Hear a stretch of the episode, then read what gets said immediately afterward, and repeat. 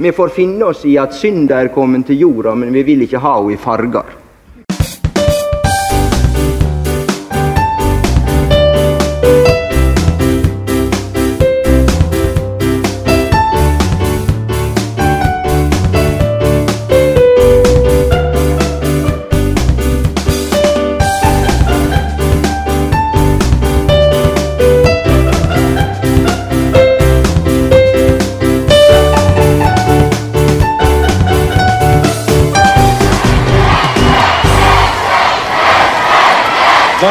Velkommen til Einar Førdes fargefjernsyn. Vi er et politisk populærkulturelt skravlekollektiv for folk trygt plassert på venstresiden.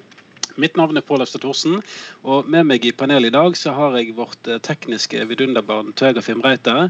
Jeg har eh, popkulturens superhelt Stein Ove Lien, og gjest for anledningen Jørgen Lien, i dag vår utenrikskorrespondent med svensk politikk som eh, spesialfelt.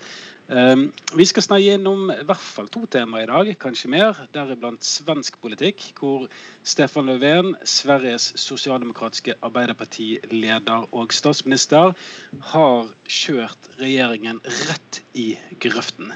Uh, Jørgen Lien, hva er det som uh, foregår i Sverige for tiden, og hva er det som rører seg i svensk politikk? Uh, nei, den korte historien er vel at Stefan Löfvens eh, sosialdemokratiske regjering, som han har sammen med det svenske Miljøpartiet, har mista tilliten fra et flertall i Riksdagen, og han ble derfor den første statsminister noensinne i Sverige som har blitt eh, felt ved et mistillitsvotum. Det skjer fordi en, eh, det som var Sosialdemokratene helt konsekvent blir antatt som en uheldig allianse mellom venstre, Venstrepartiet, altså Sverige, eh, som er en kombinasjon av Rødt og SV. Kristdemokraterna, som er det svenske Kristelig Folkeparti. Sverigedemokraterna, som vi her hjemme kjenner som et høyre radikalt parti. Og Moderaterna, som er Sveriges høyre har samlet seg om å stemme ned regjeringa i en sak som dreier seg om eh, å liberalisere boligmarkedet i Sverige. En sak hvor, hvor eh, bare Venstrepartiet faktisk er imot eh, sakens substans, mens de tre borgerlige partiene så en anledning til å felle Stefan Löfven og gjorde det. Skjønner. skjønner. Og eh, For de som eh, av våre eh, iherdige lyttere hører at det, det er litt skurrete linje fra, fra, Jørgen, så er det jo sånn det er å være utenrikskorrespondent. Så, så er på en måte arbeidsforholdet av og til litt eh, vriene. Men, men, Stein Ove eh, Lien, eh, altså i, i, Oslo så måtte LAN gå. I Sverige må regjeringen gå, men i sportsklubben Brann må ingen gå. altså Nok en gang ser vi eh, eh, Hva tenker du i forhold til eh, Vil Stefan Löfven klare å etablere en ny regjering, eller er det over ut og får han en ny sjanse, sånn som Rømme Johansen i Oslo? Det som teller for Stefan Löfven, er at foreløpig har ikke den parlamentariske situasjonen forandret seg sånn voldsomt. Sverigedemokraterna er den ukjente, som de har vært i svensk politikk i lengre Eh, tid. og eh, dersom eh, Men det som er liksom X-faktoren her er muligheten for det de kaller et ekstravalg. Og grunnen til at de kaller det et ekstravalg, er at det ikke er et nyvalg. For det skal uansett eller det skal uansett være valg i Sverige om et år. Og dersom det blir valg nå til høsten, skal man uansett velges på nytt igjen om et år. Og meningsmålingene viser ikke noen veldig sånn store, tydelige skiller. Sosialdemokratene har kommet ned fra den sånn Eh, forhøyede koronaoppslutningen som de har hatt tidvis gjennom dette året. Det er det viktig å understreke, for i Norge så har vi jo et inntrykk av at alt i Sverige bare har vært kaos. og at eh, og I Norge så har vi liksom forsøkt å le av eh, svenskenes eh, koronahåndtering pga. så mange som har dødd på eldrehjemmene deres. Men Sosialdemokratene har også fått en øket oppslutning eh, gjennom det siste året. Men den er nå borte. Eh, og da ser man at liksom, Eh, det er ikke så mye som har eh, endret seg. og Det betyr at resultatet kan bli, eh, kan bli noenlunde likt det som vi hadde. Og det er klart, ingen ønsker seg i utgangspunktet et valg et år før det uansett skal være valg.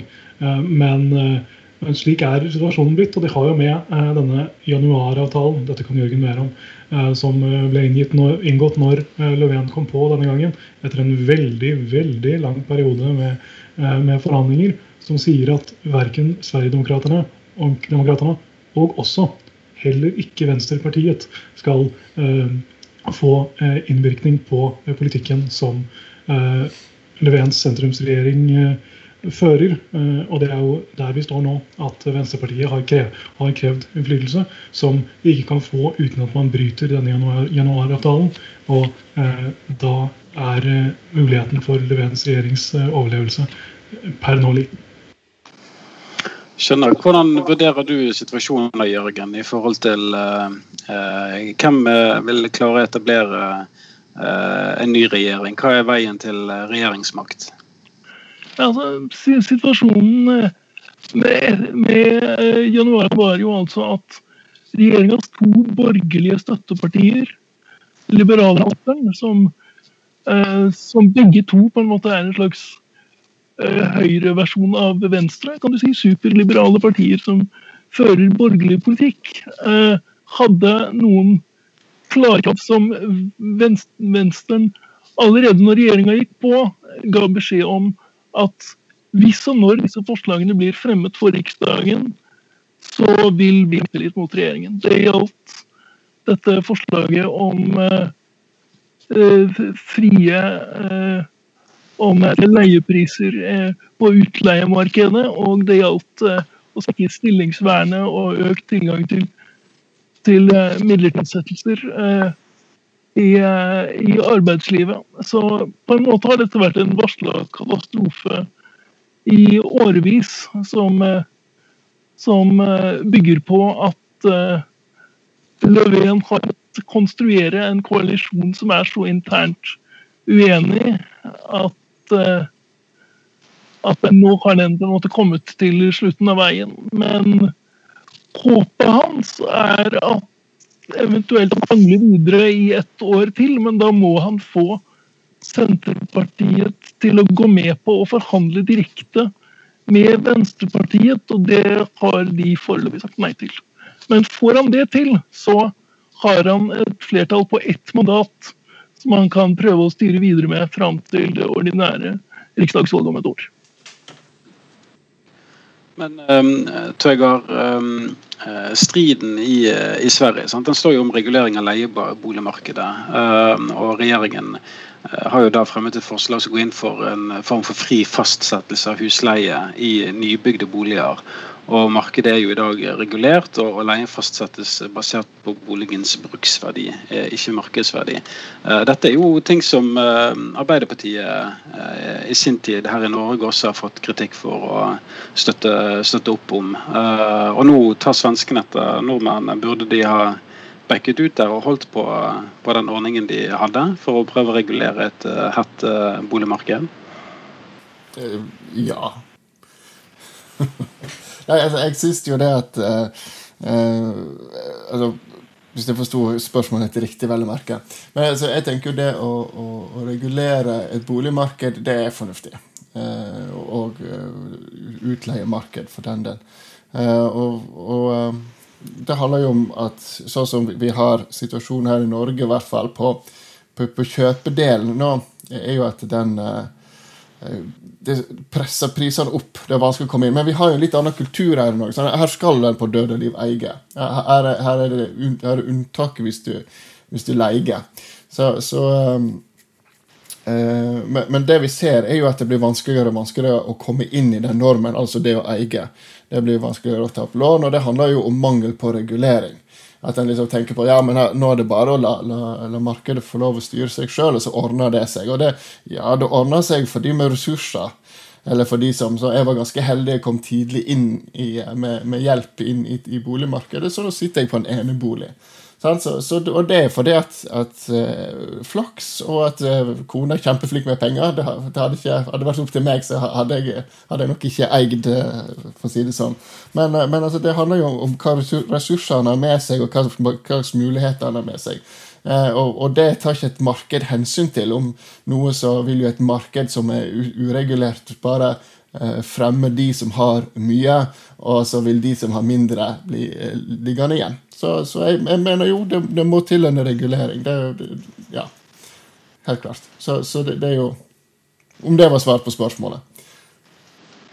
Så du vil ha den svenske modellen, eh, sånn veldig mange andre i Sverige tydeligvis vil ha siden det blir reist et mistillitsforslag her. Men når vi tenker litt tilbake i tid, Jørgen, så, så uh, Vi husker jo at Jens Stoltenberg Arbeiderpartiet ledet jo landet trygt gjennom krevende finanskriser. Men gjør man noen kjappe Google-søk, så ser man jo at noe av den store frykten til Jens Stoltenberg både i ja, 2011, 2012, 2013, det var jo et overopphetet boligmarked i Norge.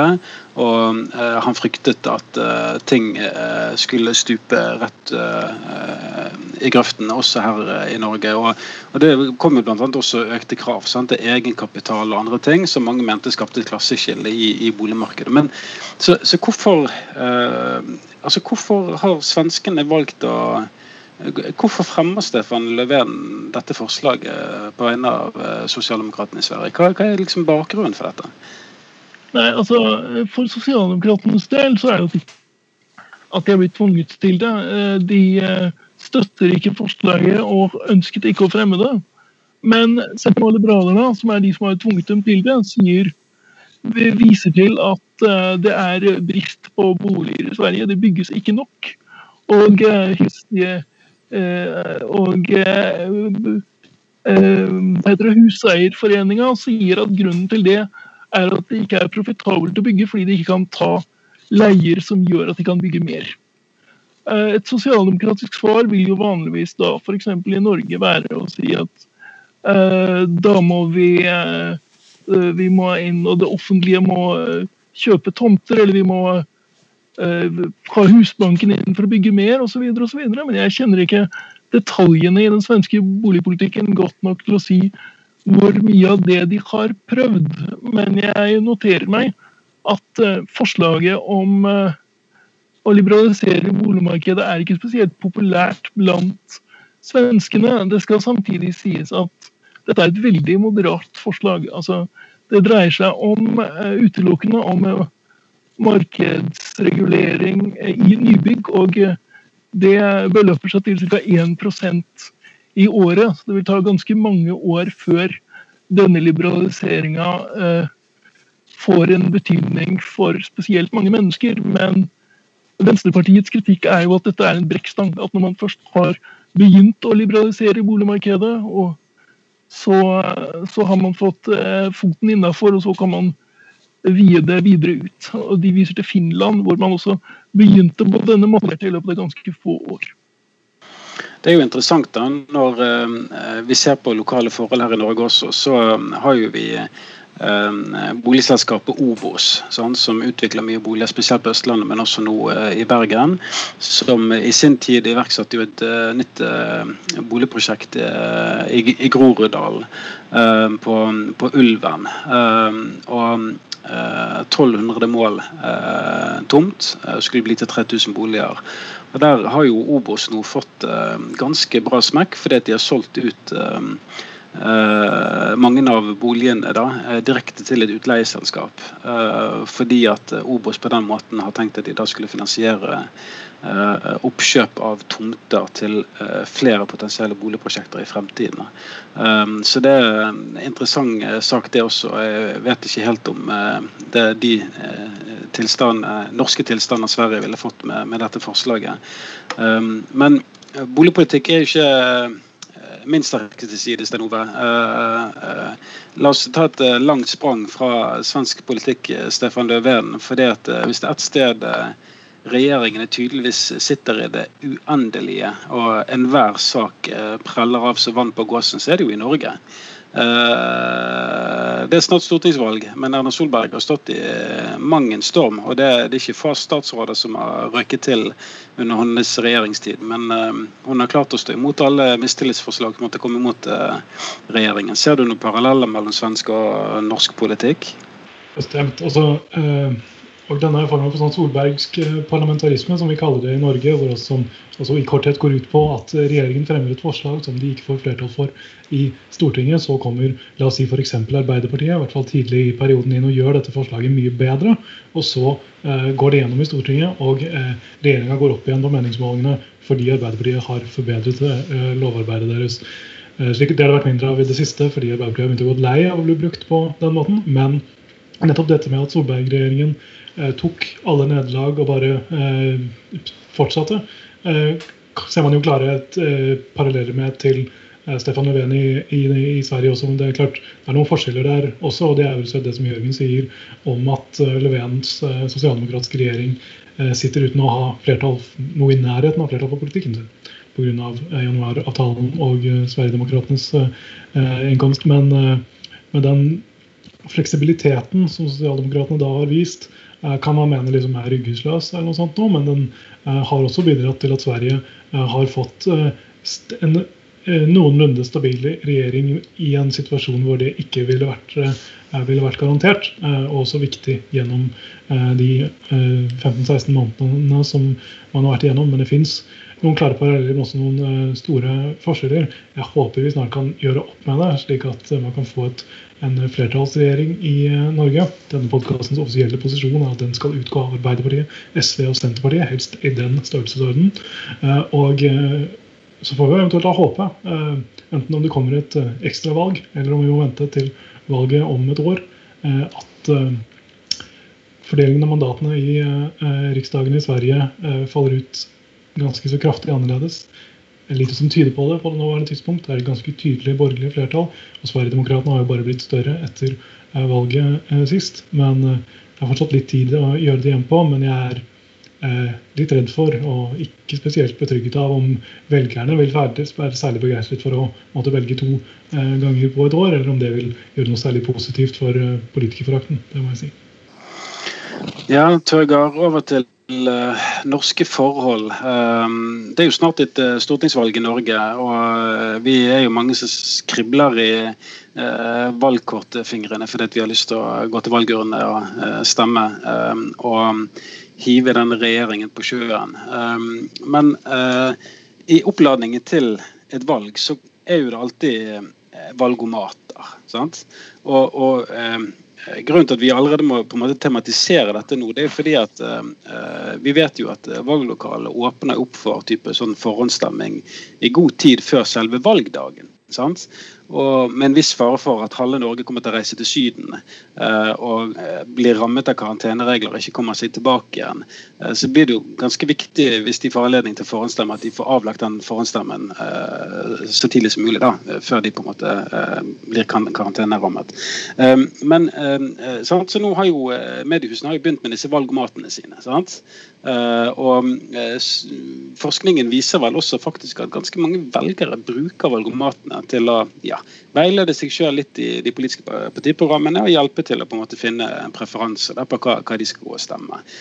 Og ja, Jeg har jo testet noen av disse valgomatene, og eh, må jo si jeg er rimelig sjokkert. Eh, på den ene valgomaten fikk jeg Miljøpartiet De Grønne. Eh, tett fulgt av Arbeiderpartiet og Venstre. Altså, Hvordan i all verden er det mulig å vekte partier på en slik måte at, uh, at de kommer opp som alternativer? Uh, på den andre uh, valgomaten så fikk jeg KrF. Arbeiderpartiet og Miljøpartiet De Grønne. og Det er jo helt opplagt fordi at jeg er tydeligvis opptatt av barne- og familiepolitikk. Og på den tredje valgomaten så fikk jeg Arbeiderpartiet, SV og, og Rødt. da.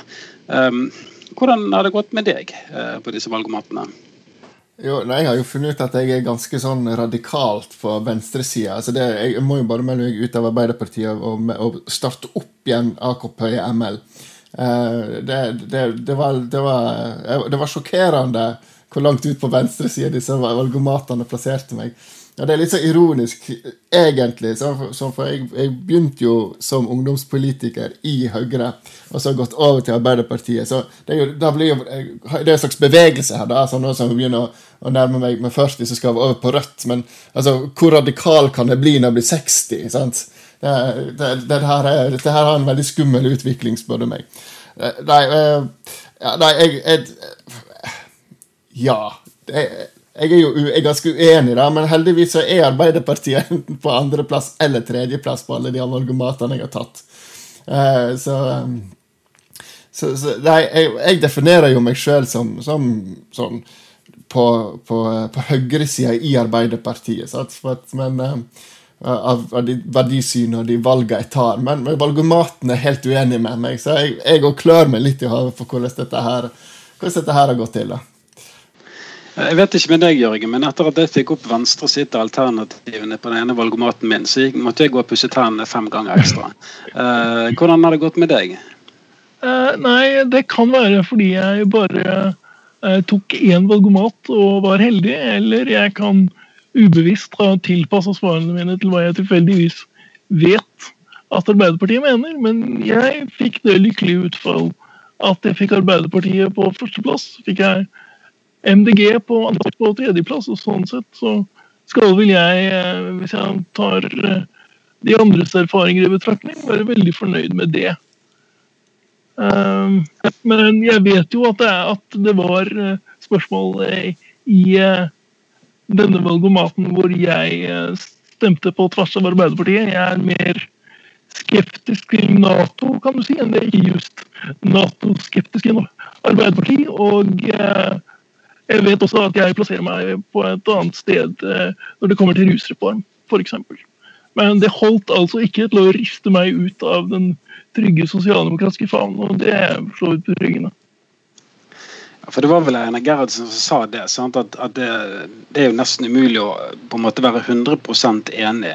Dette er ikke direkte gjengitt sitatet, men bare for å eh, understreke. Men, men, han har jo Henne Einar Gerhardsen pekte på at, at, eh, det er umulig å på en måte være enig i alle saker med sitt eget parti. Men en del saker eh, vil jo uansett være litt sånn grunnfjellsaker, og som vil flytte velgere i valgomaten, i retning Arbeiderpartiet. Men, men Sten Ove, jeg, jeg, har gjort en superenkel undersøkelse. Um, hvor jeg har bedt ti sosialdemokrater om å uh, ta en av valgomatene. Og alle endte opp med Miljøpartiet De Grønne. Er dette en konspirasjon?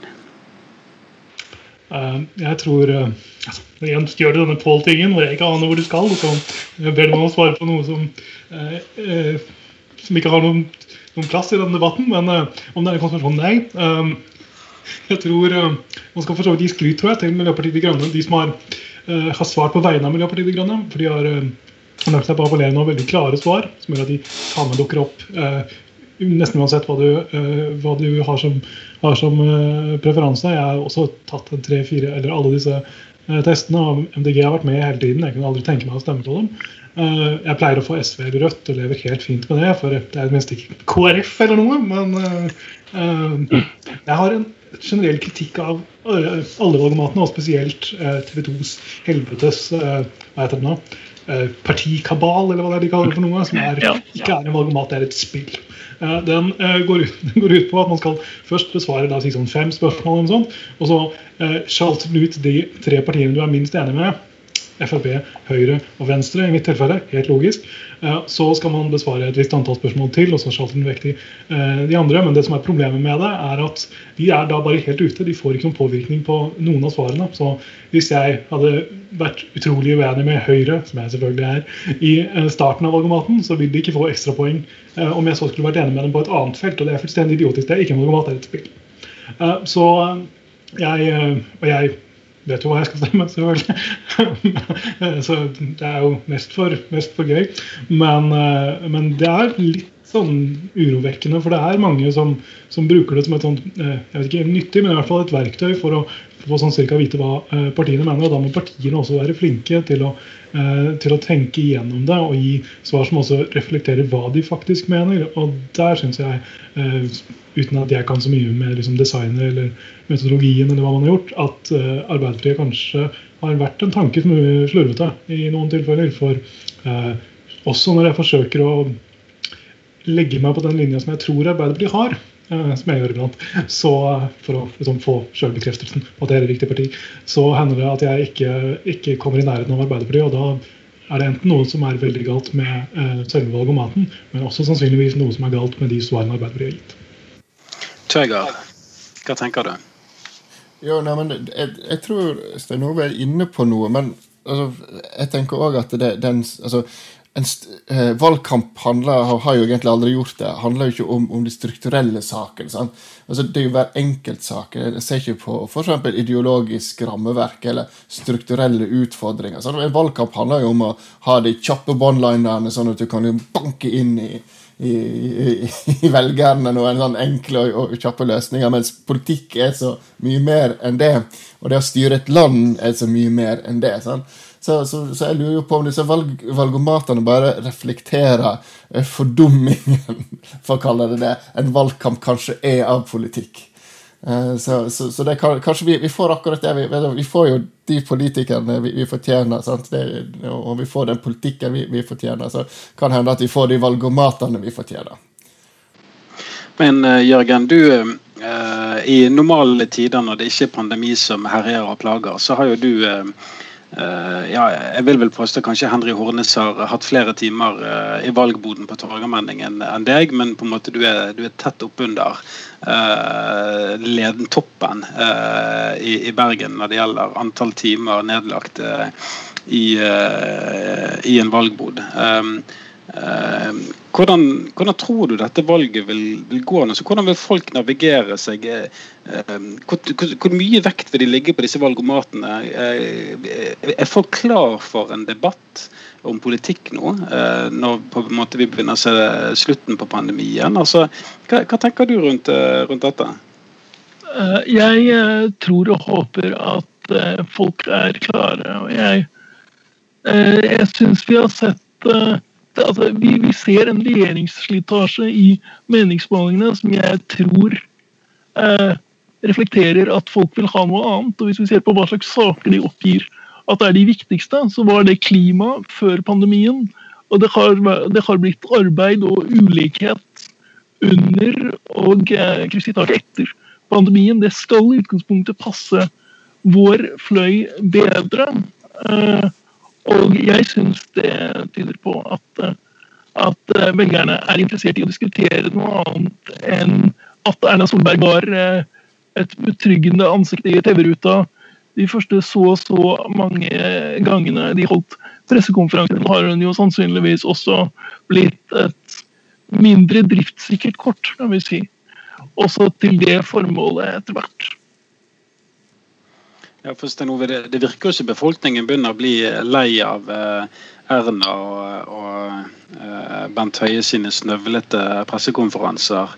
Eh, tiden er jo overmoden for, uh, for et skifte, det, det, sier velgerne veldig klart. Men de, de deler seg ganske vidt nå. Altså det, du ser også Rødt f.eks. Både i Vestlandet og, og, og Oslo. Um, jeg tror Oslo fremdeles heter Oslo, eller de er blitt et fylke med noen Ja, drit i det.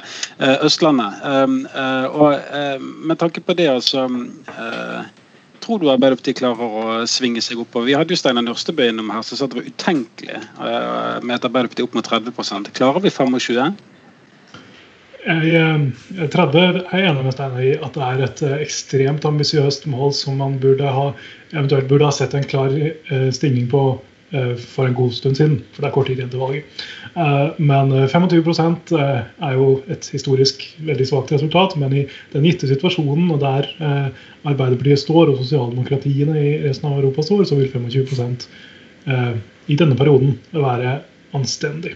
Det bør være høyere, men jeg blir nødt til å si at jeg blir fornøyd hvis man får 25 jeg, Hvis det er noen som hører på denne podkasten, som liksom, er eh, ansatt i Arbeiderpartiet eller noe, så vil de liksom si at jeg eh, gjør en grov feil ved å innrømme noe slikt. Men det er klart, eh, det som er viktigst i denne situasjonen, er to ting. Det ene er at Arbeiderpartiet blir største parti. Og det andre er at det blir et flertall. For nå har Erna Solberg vært statsminister i åtte år. Vi sa for fire år siden at vi driver ikke med sånt som å gjenvelge borgerlige regjeringer i Norge. Så gjorde vi altså det. men å la dem få tolv år, det, eh, det, er ikke noe vi driver med. Så tiden er inne for at eh, de får, eh, får avløsning. Jeg tror de trenger det sjøl også. for Hvis man ser på liksom det taktiske, så trenger Høyre litt tid på å finne ut hvem som skal være deres neste leder etter Erna Solberg. Frp trenger desperat at Høyre forsvinner ut av regjeringskontorene, slik at de kan bygge opp sin nye leder, Sylvi Listhaug. Da er en rød-grønn regjering en takknemlig fiende å ha, for da vil de bli de tydeligste på uh, borgerlig side. Og Venstre og KrF vet ikke, de finnes også der, kanskje. Så jeg tror det er på tide at de også får sin sånn egen velværes del for avløsning. Og Arbeiderpartiet, Senterpartiet og SV er klare. Jeg må gjenta det som Steinar sa i podkasten for litt siden, om at annet, et, annet, sentralt element er at de tre partiene får flertall sammen, for det øker sannsynligheten for at de faktisk går i regjering sammen, og at man får en flertallsregjering av den typen som har klart å styre Norge i åtte år tidligere. Mm. Men Tøygar, denne podkastens AKP-ML-alibi Hvis vinden fortsetter å blåse i seilet til, til, partiet Rødt nå, så, så begynner de å knive med sperregrensen. Uh, vil vi ha et stort Rødt uh, inn på Stortinget, og vil vi ha de som støtteparti til en rød-grønn regjering med ja, f.eks. Arbeiderpartiet, SV og Senterpartiet? Første spørsmål nei. Andre spørsmål nja. Uh, altså, eh, Rødt er jo et veldig spennende parti, og de har jo i hvert fall i mine ører, øyne og med gjort en god jobb, bl.a. med, med, med Moxnes og gjør seg bemerka. De har vært veldig flinke å være i opposisjon. De har, har, har altså, eh, er det litt bra å ha noen litt sånn frie radikaler inne på tinget som kan, kan riste, riste, ting, men jeg må bare ikke gi dem for mye makt. Og da er vi, er vi inne på, på, regjeringssamarbeid. For at, uh, Hvis de blir for store og får for mye makt, så kan jo de begynne å, å riste litt for hardt i, i bikuba vår.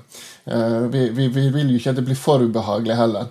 Så uh, altså Eh, rødt veldig bra, men de må ikke bli for store. og bør, Vi bør heller ikke ta det med gi det for mange innrømmelser eller gir det for mye makt. For da kan det hende at vi da begynner å eskalere i et eller annet retning vi kanskje ikke helt kan forutse eller kontrollere. Stein Ove, du vil ha en replikk? Yes, for uh, Det er også her noen paralleller til uh, Sverige, og som vanlig. Uh, Danmark for i Venstrepartiet er jo så nær man kommer et søsterparti av Rødt i, i, Sverige. Og det de har gjort denne uka, har fått enhetslisten, som er den danske pandangen til Rødt, til å gå ut i dag i informasjon fra der. og si at dette er noe de syns er interessant, og at de, får, liksom, de blir inspirert av at Venstrepartiet stiller så uh, klare krav, og at de derfor uh, kan se for seg i gitte situasjoner at de kan også kunne gå så langt mot Mette Fredriksens regjering og stille krav på den måten. Det er jo en annen situasjon der, men de er jo i et formelt politisk, parlamentarisk samarbeid med den sosialdemokratiske mindretallsregjeringen der. og det er selvfølgelig det som kan skje i Norge også. Eh, at eh, Rødt blir så store at, eh, at, den nye regjeringen blir avhengig av å sitte på, på deres nåde. Det er ikke noen veldig sånn behagelig idé å, å, tenke over, det kan, men det kan, kan, gi en spennende dynamikk, om man vil. Men håpet er selvfølgelig at de kommer seg over sperregrensa, nei, at de kommer inn på Stortinget, for det har de fortjent.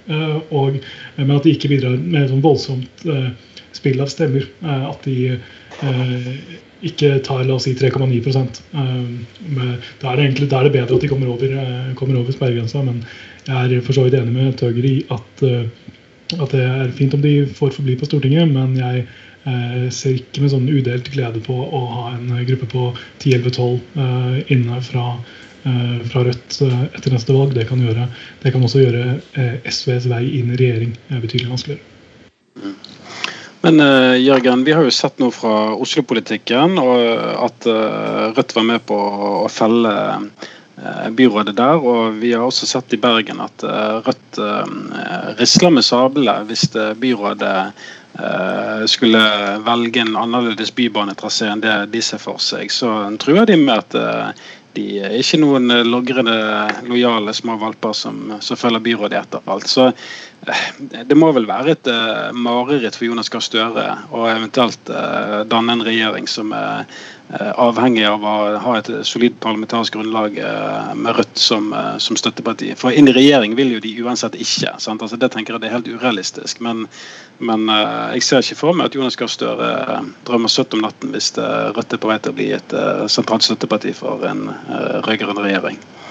Uh, nei. Uh, da er jeg redd for at altså, I ytterste konsekvens så tror jeg vi da kan se for oss at vi heller samarbeider til høyre for oss enn til venstre for oss. Gjerne hvis vi først har, har prøvd Rødt for å illustrere hvor langt til venstre de vil trekke oss.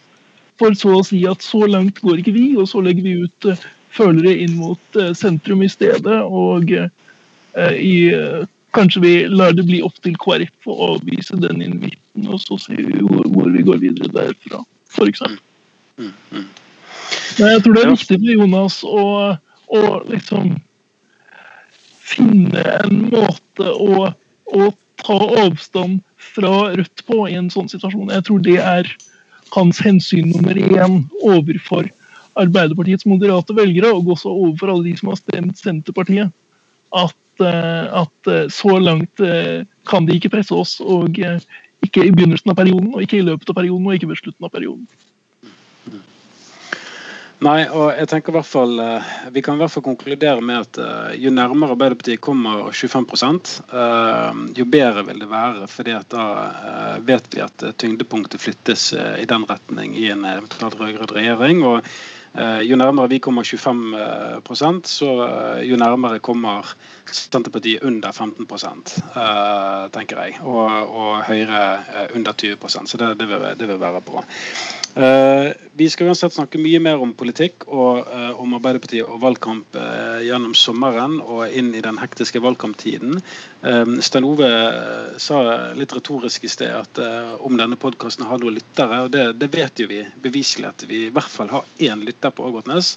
Og hei, lytter på Ågotnes, vi er glad for ditt tro, faste og gode følge. Håper at du slapp unna den fæle brannen som var der. Jeg måtte bare si det. siden vi tross alt har en, en fastlytter fra Ågotnes. Men vi skal over til dette segmentet. Det som egentlig er julekvelden for Sten Ove Lien uh, midt i en vakker juni sommermåned. og det er podkastens ja, populærkulturelle anbefalinger. Hva, hva, har du på, på hjertet i dag, Stein Ove? For den korte og konsise introduksjonen, Pål. Um, jeg um, har to ting. Um, det er at jeg så eh, kom det en dokumentar Apropos at vi har snakket om Sverige tidligere i denne podkasten, så har det kommet en dokumentar som ligger på svtplay.se om uh, den forrige eh, svenske sosialdemokratiske lederen Håkan Juholt. Den heter 'Partilederen som eh, klev inn ur Kyland, Han var partileder i Sosialdemokratene i ti måneder gjennom mesteparten av 2011 og frem til helt i starten av 2012. Han var en sånn som bare var backbencher i eh, partiet gjennom en lang lang periode. Jobbet primært med forsvarspolitikk gjennom disse eh, årene.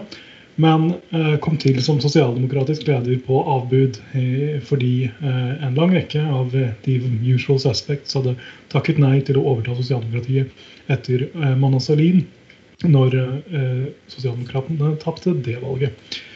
Og Han Juhals tid som eh, sosialdemokratisk leder ble ikke særlig vellykket. Han gjorde en lang rekke feil, var innblandet i noen store og noen små skandaler og ble hardt presset av mediene. Og sosialdemokratenes oppslutning gikk kraftig, kraftig, ned mot 25% Han ble solgt inn som en sånn aggressivt vanlig fyr med, med en ordentlig bakgrunn og med Eh, og med vanlig musikksmak og med klassiske sosialdemokratiske eh, verdier. Men eh, resultatet ble ikke særlig vellykket, og derfor ble han jo da presset ut i januar 2012, tror jeg det, tror jeg det er. Nå har det altså gått ti år siden han gikk på, og da har en journalist ved SVT intervjuet ham fra hans posisjon som ambassadør til Island. Eh, om hvordan det var for eh, ti år siden. Det har blitt til en ekstremt servil eh, og ikke spesielt god dokumentar. Jeg kommer snart til poenget. Som, som hvor Håkan Juholt flere ganger sier at han ikke er bitter, men som fremstår utrolig bitter. Og, ikke blir, og også forteller om hvilket stort politisk prosjekt han hadde, uten han på noe tidspunkt konkretiserer hva det politiske prosjektet var. I tillegg snakker han utrolig mye om bringebær og sild på et tidspunkt. Poenget med dette er at jeg kan ikke nødvendigvis anbefale denne eh, dokumentaren, selv om den i og for seg er verdt å se for folk som er interessert i svensk politikk. Men som vanlig så gikk jeg til min bokhylle og fant en bok eh, som heter eh, 'Partiet'. En ulykkelig kjærlighetshistorie av Eva Franchell, som var, eh, har vært eh, kommentator og journalist på den svenske tabloidavisen Aftonbladet i lang lang tid. Eh, hun har skrevet en utmerket bok spesielt om da, dette året med Eh, Håkan eh, Juholt, men også sideløpende en fortelling om sitt eget liv og eh, hvordan hennes forhold til sosialdemokratiet har vært siden 70-tallet, når hun var ung og ikke helt forsto det at Olof Palme var så vel ansett i utlandet. For på henne så var han, liksom, en gammel mann som ville eh, nekte ungdommer å høre på popmusikk og sånn. Eh, og helt fram til eh, våre dager og hennes døtre og slike ting. Hun jobbet også i sosialdemokratiet under miljøminister Anna Lind i sin tid. Eh, og skriver jo også en del om det. Det er en utmerket bok som dessverre er vanskelig å få tak i. Eh, den er også eh, litt sånn ekkel å lese for en norsk sosialdemokrat fordi den handler om 2011. og Den går kronologisk frem. Da kommer man til mars, man kommer til april, man kommer til mai, man kommer til juni. Så kommer man til juli 2011, som hun selvfølgelig er nødt til å nevne, fordi det handler om deres eh, søsterparti. Eh, og ettersom Anna Lind jo eh, er så tett på hennes liv og, og også ble drept i 2003 eller 2004. Det er en helt utmerket bok. Som, som jeg sa, så er den vanskelig å få tak i. Jeg kjøpte min pocketutgave sikkert i 2012 eller 2013. Nå fins den kun som e-bok fra Adlibris. var der jeg fant den. Det kostet den rundt 60 kroner. Det er den vel verdt hvis man orker å lese e-bøker. Det forstår jeg at det ikke er at det er noen som ikke ønsker. Men jeg kan også ikke nødvendigvis eh, så sterkt anbefale eh, dokumentaren 'Partilederen som klev ut ur Kyland' på SVT Play, men derimot Eva Franchels 'Partiet', en ulykkelig kjærlighetshistorie, eh, som du kan finne som e-bok fra Adlibris. Vakkert, eh, Stein Ove. Uh, og hvis det er en ting denne podkasten eh, har som kjennemerke, så er det mangfold. Og da tror jeg har. Hva, hva, er din anbefaling? Ja, nei, i dag Jeg hadde jo egentlig tenkt å lese høyt et brev, et håndskrevet brev jeg fikk ifra, i, i posten. men, men, så kasta kona det, så jeg kunne ikke lese det. Og det var Jehovas vitne som prøvde å redde sjela mi. men, så da måtte jeg finne noe annet. Uh, og, og, når vi snakker om sjel og det å bli sånn litt så religiøst overbevist, og sånt, så vil jeg komme med en, med en litt sånn kanskje på, på kanten anbefaling. Uh, det er Norsk offentlig utredning 2019-26, altså den om rusreformen. Uh, grunnen til at jeg syns dette disse her i, i, sammenheng, er at den debatten om rusreformen, den er så er rett og slett grisete. folk blir helt, helt toskete, tossete av det folk mener veldig sterkt om veldig mye innenfor dette her. De driver på med konspirasjonsteorier og det, tull og tøys. Eh, les det her Norsk offentlig utredning den, uh, om rusreformen. Du finner den på, på, på hjemmesida til, uh, til, uh, til, regjeringen. Og det som er fint med den, der får du en ganske du får, altså, I samme hva slags side du står på i den debatten, så får du ammunisjon. Altså all, Nesten alt du finner i debatten for og imot en, en type reform, whatnot, det finner du i det dokumentet. Så les den. Den er fantastisk bra. Og det er jo grunnen for det, er jo, det er jo eh, En sånn norsk offentlig utredning er jo satt sammen av folk som kan det. De tar inn høringer, de setter ting i system. Så og det, det, altså, De fremste ekspertene som uttaler seg sammen med at hvem som helst kan også uttale seg, så blir dette her satt inn i en fin sånn bunke som, som du kan lese deg igjennom. Og jeg syns den er helt topp. Eh, så må det sies jeg synes at denne eh, regjeringsreformen er ikke topp. Jeg syns at den, den slags sånn eh, dårlig avleiring av den norske offentlige utredning nummer eh, 2019-26.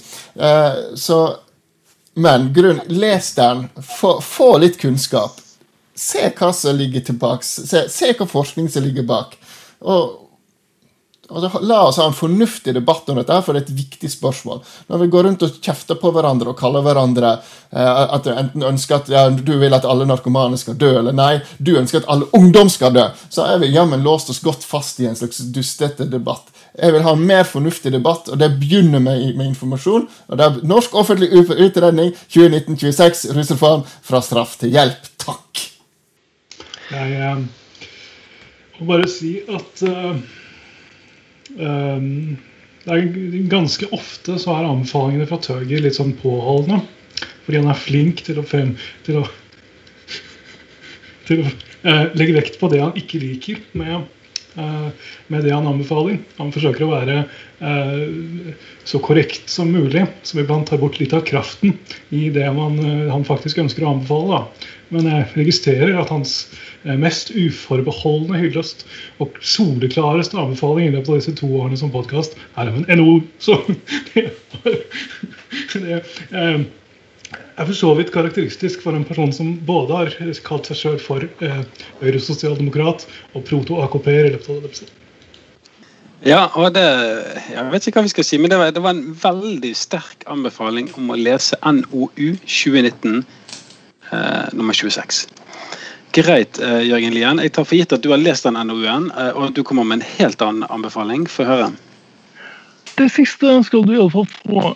Jeg forhørte meg med et av medlemmene av podkasten på forhånd, og om jeg kunne få lov til å komme med mer enn én anbefaling. Jeg forstår iallfall at vi er ikke så pressa på tid. Så jeg ber også om å få ti minutter til å legge ut alt jeg har tenkt på de siste par ukene i populærkulturelle øyemed. Uansett. Eh, en av hovedgrunnene til at jeg hadde lyst til å komme til denne podkasten i dag, var eh, ikke mindre enn å gjenopprette min egen ære. For eh, i forrige podkast så skulle Stein Olien anbefale filmer om lærere og da trakk han meg inn. Eh, eh, det han ikke sa om den podkasten om filmer om lærere, var at det sto ganske mye mer i den enn at jeg anbefalte en komedie med Danny DeVito og Marky Mark fra 1994. Så hvis vi begynner der, så vil jeg for ordens skyld anbefale noen andre filmer om lærere. I filmen 'The Perks of Being a Wallflower' fra 2012 eh, er det en veldig fin engelsklærer som anbefaler en hel masse god oppbyggelig amerikansk litteratur til uh, en ung mann som blir klok på livet av å lese det. Det er en lærertype det går an å lære noe av. Uh, men så finnes det også noen litt mer Enda mer høytflyvende. Du har Kevin Klein spiller en ikonisk lærer i Dead Poet Society, et ungdoms, et veldig fint sentimentalt ungdomsdrama fra eh, 1989 som har blitt terrostratisk berømt for at elevene eh, går opp på pultene sine og saluterer sin captain i en veldig berømt scene. Og nå har jeg tenkt å gjøre en kobling videre fra dette med lærerfilm og til en annen anbefaling. For jeg har lyst til å anbefale en skuespiller i største allmennhet. Den eh, norske skuespilleren Andrea Brein Hovig er en av de beste filmskuespillerne vi har. Og hun har gjort til noe av en eh, spesialitet å spille lærere i to veldig, veldig interessante filmer fra de siste årene. En film som heter 'Det er meg du vil ha', regissert av Dag Johan Haugerud. Eh, jeg tror den er fra 2015. Der det er en monolog med Andrea Brein Ovig som ser inn i kamera og forteller historien om den gang hun forelsket seg i sin 15 år gamle elev, og hvordan forholdet deres utviklet seg. Det er en, en film som kan se ut som filmet teater inntil du forstår at det å ha et kamera hvilende på en så uttrykksfull skuespiller som framfører en så god tekst over så lang tid, oppnår noe som bare film kan. Og i filmen 'En affære' fra noen år seinere spiller hun igjen en lærer som, eh, som får et upassende forhold til en medelev. Det er en mye mer eh, såpete og frekk film, men den gjør noen ting. Den er morsom og svart og overraskende på en måte som norsk ungdomsfilm sjelden er. Og det er også sjelden at norsk ungdomsfilm er fortalt fra de voksnes synsvinkel uten at det er for at vi skal synes at de voksne utelukkende er kleine, for det er hun faktisk ikke. Og så til aller sist, en siste anbefaling, fordi Paul eh, fikk anbefalt å stemme KrF når han eh, tok en valgomat, så vil jeg henvise til eh, det skrekksamfunnet vi kunne fått dersom KrF hadde fått eh, full innflytelse over norsk abortpolitikk. Det gjelder dokumentarromanen eh, 'Hendelsen' av den franske forfatteren Annie Ernaux, som utkom på norsk i 2019. Annie Ernaux er en eh, fransk forfatter som nå endelig blir utgitt på norsk i stort omfang. Eh, hun eh, blir omtalt som den nye Elena Ferrante og andre forenklende merkelapper. Hun er etter mitt syn eh, bedre enn det. Og dette er en veldig veldig velskrevet dokumentarroman om det å forsøke å få en abort i Frankrike i 1962, da det faktisk var ulovlig. Uh, dønn solide, Jørgen. Og alt sammen tyder på at uh, du bør inviteres til en podkast gjennom ikke så altfor lenge. For uh, her, her, var det mange gode anbefalinger og, og mye på hjertet. ja, jeg nevnte jo mangfold, så det er jo tid for å komme med min anbefaling. Uh, og Før nå Jørgen og Snelove begynner å grynte på nesen og kaste ting mot TV-skjermen, så så eh, Dere kjenner jo til Jeremy Clarkson fra Top Gear. Um, og jeg tipper på en måte at det helt sikkert ikke er favorittprogrammet deres. Uh, men han har laget, sammen med Amazon, um, uh, en ny serie som han kaller for Clarksons Farm. Og Jeg vet ikke om vi kan kalle det et jordbruksprogram, uh, men det er det faktisk. Og Det er både lærerikt, det er interessant, og det er veldig underholdende. Og det er helt greit hvis du er MDG-politiker og hater biler og eksostrål i Top Gear, for dette er noe helt annerledes. Uh, og Jeg anbefaler deg, Jørgen og Stenove, har dere mulighet til å koble dere på eh, Amazon Prime, uh, og du også, Tøyger, for all del, så bør dere faktisk se de åtte episodene av Clarksons Farm på Amazon Prime. Der møter dere ja, Jeremy Clarkson og kjæresten Lisa. Men dere møter også karakterene Gerald, eh, Cheerful Charlie, Caleb, Ellen. Uh, og dere får se når Jeremy Clarkson finner ut at disse sinnssyke landbruksområdene som han eier, og som han har gitt blanke F i i alle år, og som han har leid lokale bønder til å håndtere for seg. Når han sjøl finner ut at han Eh, skal eh, gjøre hele jobben som en bonde gjør, fra A til Å. Både med å dyrke, jobbe med jorden, eh, så, dyrke, jobbe med jorden og, og høste. Men også at han velger for seg sauer og høns. og i all sin udugelighet så kommer det frem at han har ikke peiling på hva han driver med, men han går faktisk all in. og Det, det er nesten litt imponerende Eh, stykke arbeid eh, han og eh, der har skapt. For det er veldig interessant og veldig lærerikt, og du får en dyp respekt for det arbeidet som bøndene gjør, enten det er i Storbritannia eller Norge eller i verdenssamfunnet for øvrig. Og så er det noen helt sinnssykt artige karakterer som er med i denne serien, og som er seg sjøl, og som bare passer perfekt inn. Så det, det er min anbefaling. Amazon Prime, Clarksons Farm, åtte episoder. Dere kommer til å Eh, prøver å se alle sammen i, eh, et eh, dunkende kjør. Det blir åtte timer, så dere bare har god tid. Men det, det, er stor underholdning, og det anbefales på det sterkeste. Da går denne podkasten inn for landing. Eh, takk til eh, Tøger Fimbreite, Stein Ove Lien, Jørgen Lien. Eh, mitt navn er Pål Hafstad Thorsen, og dere har hørt på Einar Førdes fargefjernsyn. Vi er et vakkert og politisk og populærkulturelt skravekollektiv for folk trygt plassert på venstresiden, og vi kommer snarlig tilbake igjen i et eh, lytteredskap du har for hånden. Takk for oss.